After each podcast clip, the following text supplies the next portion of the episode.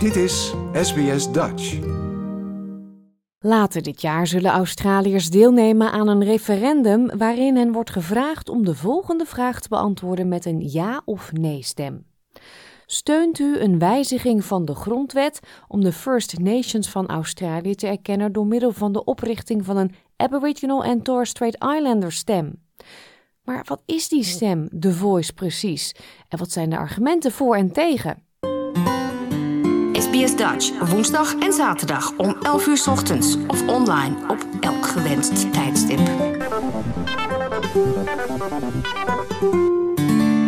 In 2017 kwamen 250 indigenous leiders uit het hele land bijeen in Uluru.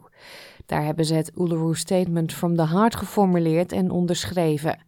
Deze eenvoudige maar poëtische reeks woorden vereiste drie dingen: stem, verdrag en waarheid. Professor Megan Davis, lid van de referendumraad, las de verklaring voor het eerst voor tijdens de conventie. We seek constitutional reforms to empower our people and take a rightful place in our own country. When we have power over our destiny, our children will flourish.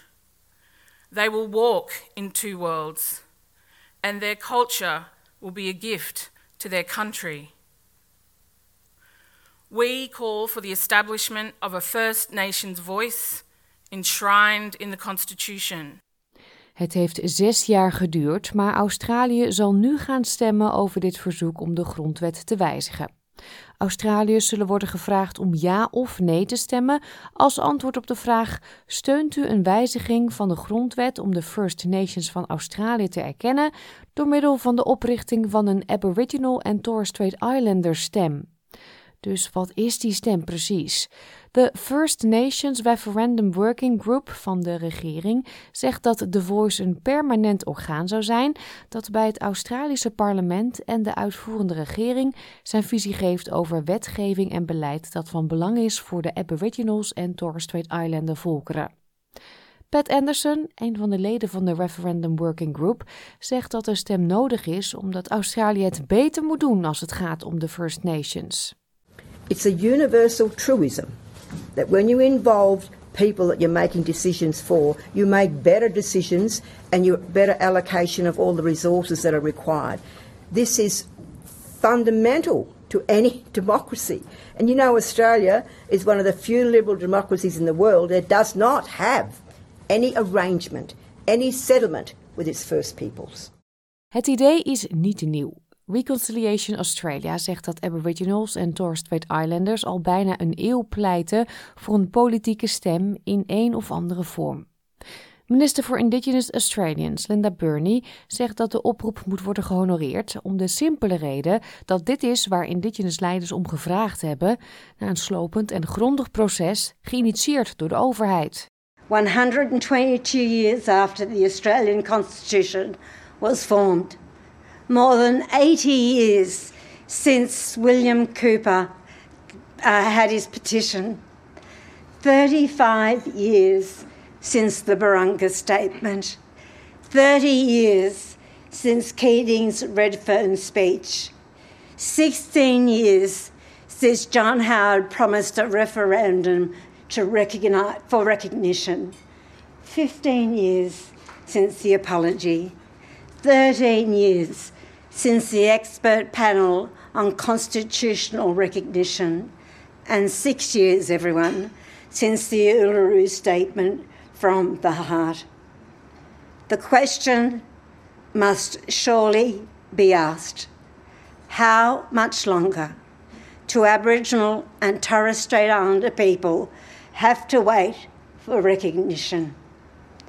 When will we finally resolve this unfinished business. Dus waarom moet The Voice in de grondwet worden verankerd? Tegenstanders beweren dat het gewoon wettelijk kan worden vastgelegd, zoals dat eerder ook bij andere instanties is gebeurd. De betrokken indigenous leiders zeggen dat alleen op deze manier ervoor gezorgd kan worden dat het niet kan worden beïnvloed of afgeschaft door een toekomstige regering, zoals dat eerder bijvoorbeeld gebeurde met de adviesgroep ATCIC, de Aboriginal and Torres Strait Islander Commission. Marcia Langton is een belangrijke architect van The Voice en lid van de Referendum Working Group.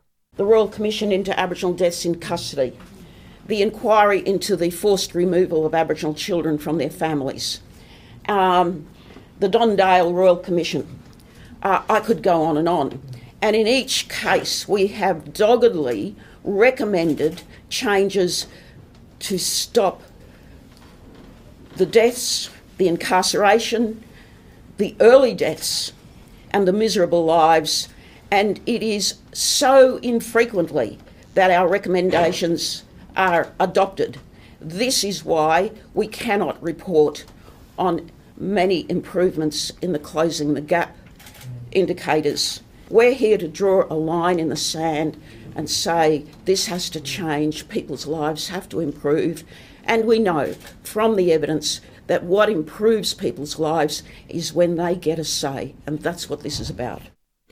Waarom zou er een voice moeten worden gerealiseerd voor treaty en truth, de twee andere punten uit het Uluru Statement? Voorstanders zeggen dat het komt omdat de regering om een verdrag te sluiten een vertegenwoordigend orgaan nodig heeft om mee te onderhandelen, iets dat momenteel niet bestaat. Uit peilingen is herhaaldelijk gebleken dat het Australische publiek in grote lijnen voorstander is van de grondwettelijke erkenning van de oorspronkelijke bewoners van het land. Maar naarmate het debat voortduurt, neemt de steun voor dit specifieke voice-voorstel af. De regering had gehoopt op de steun van oppositiepartijen, want de geschiedenis leert dat zonder het referendum waarschijnlijk niet zal slagen. Maar de coalitie heeft ervoor gekozen om de nee-campagne te steunen. Oppositieleider Peter Dutton noemde het voorstel de Canberra Voice. For voices embedded in the Constitution, the Parliament can't change the voice or pass laws to override it. The Parliament cannot out legislate the Constitution. If Australians have buyer's remorse, the voice comes with a no returns policy. It's here to stay. And yet, this institution hasn't even been road tested. It hasn't been legislated, as has been the case in South Australia, and the Albanese government has this option available, open to them today. De hoofdaanklager van de oppositie in deze kwestie is Jacinta Nampajimpa Price, woordvoerster van Indigenous Affairs en senator voor het Northern Territory. Ze zet vraagtekens bij de beweringen dat de Voice praktische voordelen zal hebben en zegt dat het Voice-debat afleidt van de echte problemen waarmee Indigenous gemeenschappen worden geconfronteerd. We're being put on hold until this referendum is done, and real issues aren't being addressed immediately because the Albanese government is suggesting that it is a voice to Parliament that is the only thing that is going to solve some of our tough issues, which is completely and utterly untrue. It is his responsibility, it is the Minister for Indigenous Australians' responsibility to address these immediate concerns that are taking place right here, right now. Andere punten van kritiek zijn onder meer dat het voice-voorstel niet gedetailleerd is, raciale verdeeldheid zaait en kwetsbaar is voor juridische uitdagingen. U hoort Warren Mondine. Hij is woordvoerder van de nee-campagne. My view on the voice of parliament is, is it's a total waste of money. You know, there's 300 and something million dollars being spent, which could be spent on community projects out there in the regions of remote Australia. It is built on a falsehood that Aboriginal people don't have a voice. We've always had a voice, and we've had always a strong voice ever since 1973. So my thing is that we need to get economic development, jobs, uh, education, and investment into those communities and building businesses. That will be the only thing that will make the difference. Maar niet alle tegenstanders van de Voice zitten in hetzelfde team. In tegenstelling tot de coalitie zegt de onafhankelijke Victoriaanse senator Lydia Thorpe dat de stem niet ver genoeg gaat. Eerder dit jaar verliet Lydia Thorpe de Groenen vanwege hun steun aan The Voice. Ze zegt nu dat ze de Black Sovereign Movement vertegenwoordigt. Ze roept op tot een verdrag en de volledige uitvoering van de aanbevelingen van de Royal Commission van 1991, naar aanleiding van de Aboriginal Death in Custody rapport. You are crucifying us again, giving us no power. If you were genuine, give us Senate seats in here, like they do in New Zealand. Have a treaty, like they do. Why can't we do that? What are you scared of, Labor?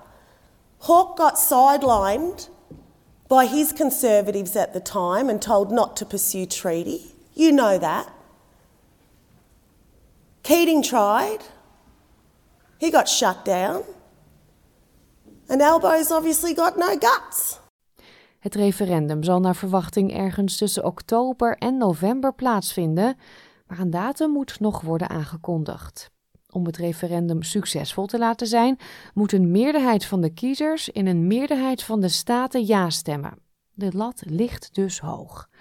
Dit was een verhaal van Claire Slattery voor SBS Nieuws, door SBS Dutch vertaald in het Nederlands.